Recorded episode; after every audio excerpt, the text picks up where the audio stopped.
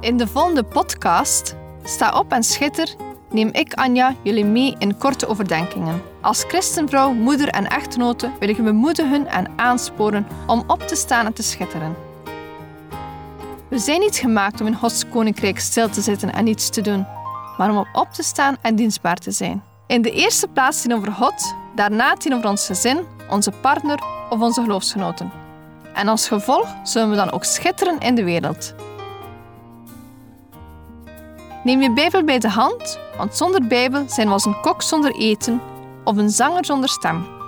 Dus luister naar, sta op en schitter.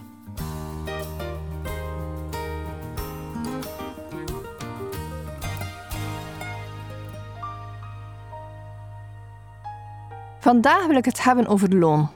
Ik weet niet waarom jij gaat werken, maar ik ga in de eerste plaats werken om geld te verdienen.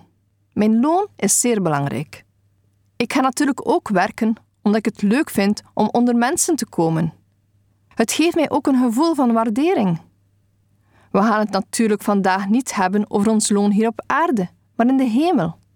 Alles wat we nu doen of niet doen, heeft belang voor de eeuwigheid. Er wordt in de Bijbel gesproken over beloningen, wat natuurlijk niet kan vergeleken worden met ons aardse loon. Onze werken op aarde worden getoetst door God. Laten we even twee teksten bekijken. De eerste is 2 Korinthe 5, vers 10.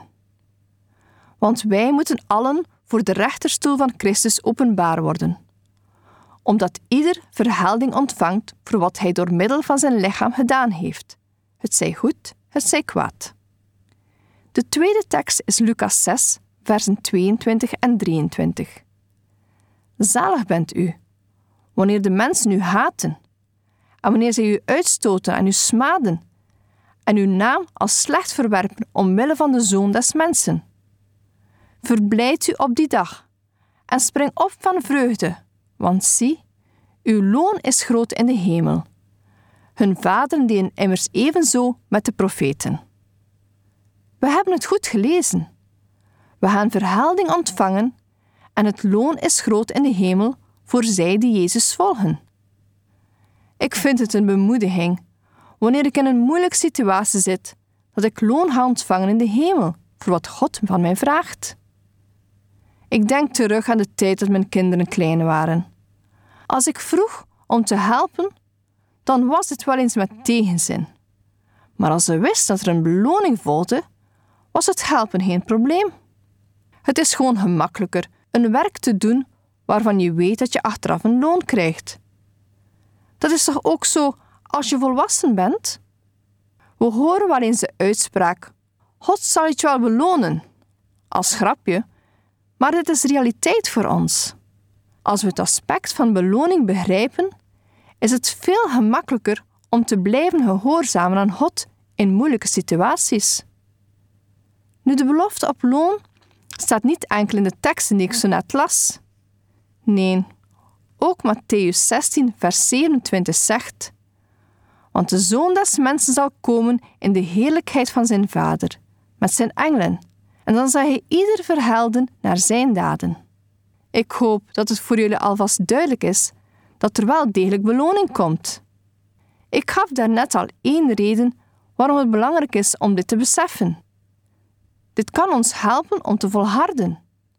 Een tweede reden is dat we heel goed zouden beseffen dat elke handeling of keuze, hoe klein ook, een eeuwigheidswaarde heeft. Alles wat we hier goed of fout doen, heeft gevolgen voor de eeuwigheid. Als we dit beter beseffen, zullen we misschien wel eens beter nadenken bij onze volgende zonde. Of als we het weer eens niet zo nauw nemen bij een volgende keuze die we moeten maken. Denk maar eens aan je tijdsbesteding, geld uitgeven of omgang met personen.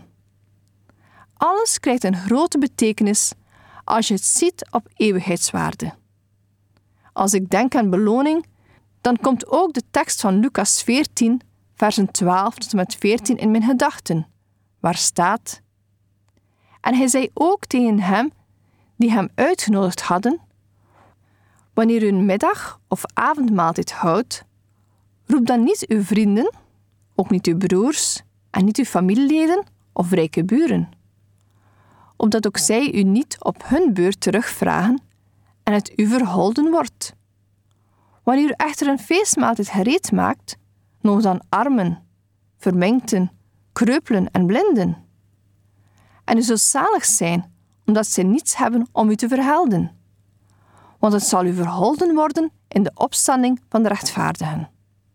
In deze tekst wordt een voorbeeld gegeven van hoe je beloning kan ontvangen.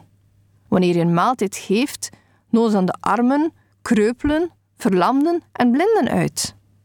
Mensen waarvan je weet dat ze niets terug kunnen doen. Er staat dus niet dat je geen vrienden mag uitnodigen. Jezus zegt gewoon dat als je vrienden uitnodigt, dan krijg je aardse beloning, want je vrienden vragen je meestal wel terug. Het is niet altijd eenvoudig om dat te doen. Daarbij komt nog dat we verschillende teksten in de Bijbel vinden die ons oproepen alles in liefde te doen en met de juiste ingesteldheid. In de Bijbel gaat het vaak over dingen doen zonder iets terug te verwachten. Dat is eigenlijk nogal een contrast met wat de wereld denkt. Voor wat hoort wat.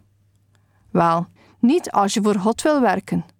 De grootste en meeste beloningen komen in de toekomst.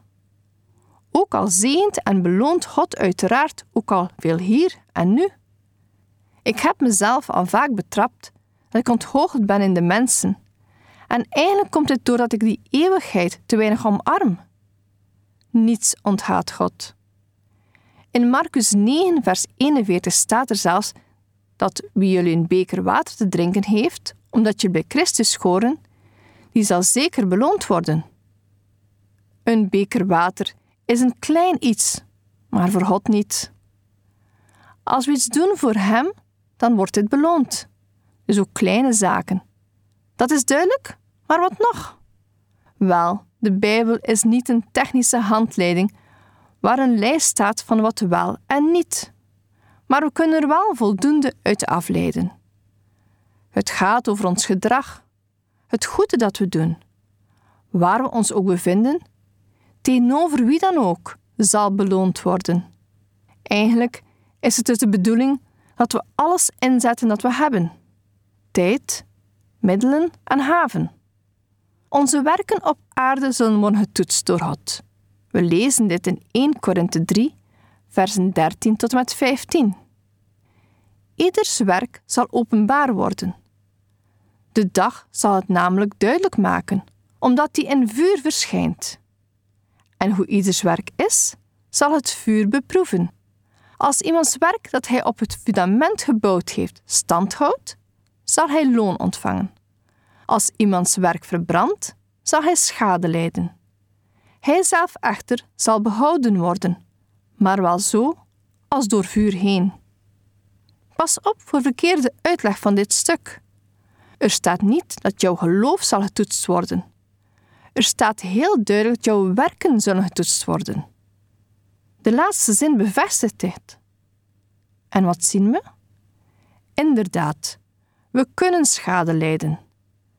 Dus binnen onze beloning kan het zijn dat we loon mislopen doordat onze werken niet met de juiste ingesteldheid zijn gedaan. Stel jezelf steeds de vraag: Doe ik mijn taken echt enkel en alleen voor God? En het wordt nog moeilijker als je iets doet. Doe je het uit liefde of misschien toch enkel voor die beloning? Zoals we gezien hebben in het begin, de beloningen zijn iets om naar uit te zien. Iets wat ons kan motiveren en bemoedigen. Maar ze mogen nooit onze motivatie worden. We hebben gezien dat er beloning volgt voor goede daden, maar nogmaals, enkel als we Jezus offer hebben aangenomen. Maar wat met de ongelovigen? Hoe zit het eigenlijk met diegenen die naar de hel gaan?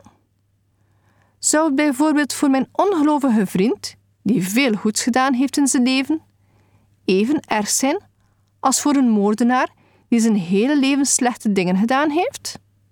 Dat zou toch niet eerlijk zijn? Wel, het antwoord is wel eerlijk. Ook voor hen zal er rekening gehouden worden met hun leven. We hebben een God die hemel en hel gemaakt heeft en een rechtvaardige God is. Iedereen mag tijdens zijn leven kiezen voor een leven met of zonder God. Bij ons sterven gaan we verder in het leven met of zonder God. Ik hou in gedachten dat de minst beloonde plaats in de hemel veel mooier is dan de beste plaats in de hel. Laat ons focussen op een leven met God, nu en tot in de eeuwigheid. De hel is voor mij een motivatie om het evangelie te verkondigen. Ik wens niemand een leven toe zonder God. Paulus beschrijft een prachtige krans in 2 Timotheus 4, versen 7 en 8. Ik heb de goede strijd gestreden. Ik heb de loop tot een einde gebracht. Ik heb het geloof behouden. Verder is voor mij weggelegd de krans van de rechtvaardigheid die de Heere, de rechtvaardige rechter, mij op die dag geven zal. En niet alleen mij, maar ook allen die zijn verschijning hebben liefgehad. We mogen God liefhebben in ons leven, de goede strijd strijden en uitzien naar een krans van rechtvaardigheid. In het boekje van Bruce Wilkinson, God beloont, las ik: Als onze wekker morgenochtend afgaat, zal de eeuwigheid nog niet in zicht zijn. We staan wel voor een keuze van onze nieuwe dag. Leven vandaag voor het zichtbare of voor de eeuwigheid. Hopelijk maken we iedere dag de juiste keuze en worden we in de hemel rijkelijk beloond. Sta op en schitter. Deze podcast kun je steeds opnieuw beluisteren via de website en app van twr.be. Als je deze aflevering leuk vond en je wilt de podcast helpen ondersteunen, deel hem dan met anderen. Heb je gebed nodig of wil je reageren op deze uitzending? Zend dan gerust een mailtje naar anja.twr.be. Bedankt voor het luisteren.